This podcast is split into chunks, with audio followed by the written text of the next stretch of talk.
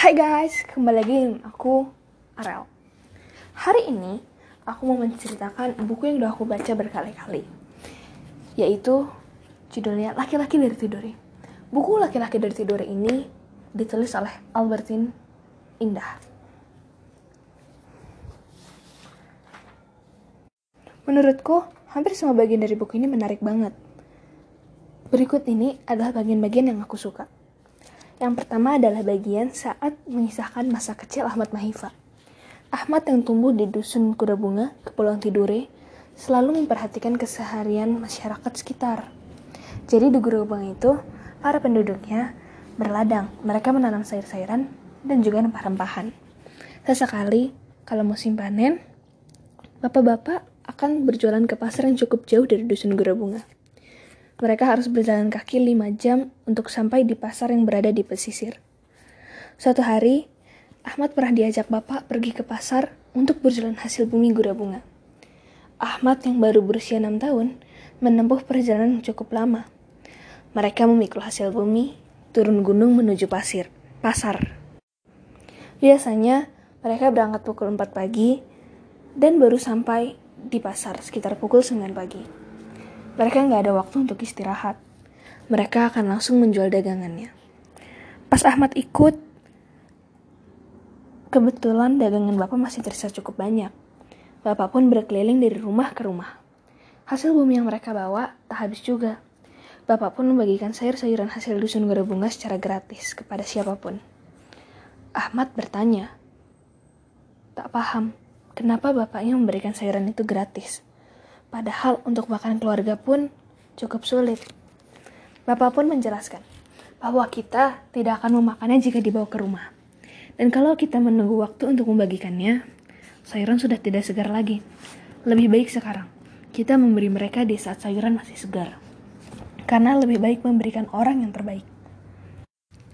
Bagian kedua favoritku di buku ini adalah saat Ahmad menceritakan pengalamannya menjadi camat di Demta. Lulus APDN di Jayapura, Ahmad ditugaskan untuk menjadi camat di Demta, sebuah pelosok di daerah Papua. Akses masuk ke Demta sangat sulit. Bahkan konon katanya, Demta merupakan sarang OPM. Namun saat Ahmad mendatangi Demta, ternyata warga Demta justru memberinya makanan. Warga Demta begitu baik pada Ahmad. Apalagi saat mengetahui Ahmad adalah orang Tiduri. Para warga Demta pernah ditolong oleh pejuang-pejuang Tiduri. Orang-orang Papua akan mengingat setiap kebaikan yang dilakukan seseorang dan menceritakannya hingga ke anak cucu untuk dijadikan monumen dalam hidup mereka. Ahmad sering membantu warga Demta. Suatu malam, ia pernah mendapat panggilan dari TNI untuk segera ke desa Tarvia. Katanya, di desa Tarvia ada sekelompok orang OPM. Tapi Ahmad berusaha secepat mungkin pergi ke desa Tarvia. Tak peduli kaki yang luka-luka karena daun berduri yang melukainya di tengah perjalanan ke Tarvia. Ahmad tahu, desa Tarvia adalah desa yang terbelakang, namun baik hati. Mereka bukanlah OPM, mereka hanya tidak tahu bersatunya Indonesia dan Papua. Saat Ahmad menyuruh mereka untuk memasang bendera merah putih, TNI datang. Tak ada baku tembak karena mereka dianggap telah mengaku atas bersatunya Indonesia dengan Papua. Bertahun-tahun kemudian saat Ahmad datang ke desa Tarvia lagi, para tetua masih mengingatnya dan berkali-kali mengatakan terima kasih karena telah menyelamatkan nyawa mereka. Hingga di penghujung tahun 1981, Ahmad dipindah tugaskan ke ibu kota Jakarta. Semua warga Demta bersedih karena kehilangan pemimpinnya yang telah mewujudkan impian mereka akan air bersih, sekolah, klinik, juga jalan yang menghubungkan Demta ke dunia luar. Tahun 2003, saat Ahmad mendatangi Demta lagi, namanya masih diingat ia diarak dan dijamu. Bagi mereka, Ahmad adalah pemimpin mereka selamanya. Bagian favoritku yang ketiga adalah saat Ahmad pulang ke Tidore untuk membangun tanah kelahirannya. Saat Ahmad lulus dari Institut Ilmu Pemerintahan Jakarta, ia harus melanjutkan karirnya di pemerintahan. Namun ia bingung, apakah harus kembali ke Demta ataukah membangun Tidore. Dengan keteguhan hatinya, ia hendak kembali ke Tidore. Membangun Tidore adalah sumpahnya. Ia ingin menjadi seseorang yang dapat mengubah nasib tanah kelahirannya. Nama Ahmad tersohor saat di Tidore karena keramahannya. Ia sering berkunjung dari satu desa ke desa yang lain. Hingga suatu hari, seorang kawannya meminta Ahmad untuk mencalonkan diri sebagai wali kota. Idenya itu ditolak mentah-mentah oleh Ahmad. Namun semakin baik yang memintanya menjadi wali kota. Ia pun mencoba mencalonkan diri menjadi wali kota tanpa harapan untuk menang karena ia tahu lawannya cukup berat.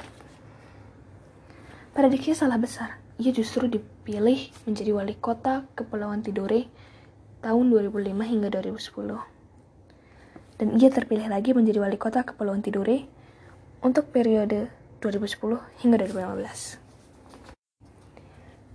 Ada beberapa value yang bisa diambil dari buku laki-laki dari Tidore ini. Yang pertama, memimpin dari hati. Membaca kisah Ahmad Mahifah ini menambah wawasanku bahwa hakikat memimpin ialah melayani. Dengan memimpin, kita bisa membawa banyak perubahan bagi satu kaum. Yang kedua adalah saling membantu. Jika kita sering membantu orang dengan hati yang lapang, maka orang pun akan membantu kita. Atau bahkan bisa jadi Allah sendiri yang akan menolong kita lewat makhluk-makhluk yang tidak pernah kita duga. Dan yang ketiga adalah kembali untuk membangun. Kita boleh pergi sejauh mungkin untuk menuntut ilmu. Tapi jangan lupa untuk kembali ke tanah air untuk membangun tanah kelahiran kita. So, sekian dari aku. Terima kasih. Jangan lupa baca buku Laki-Laki Tidur ya guys. See you on my next podcast. Bye-bye.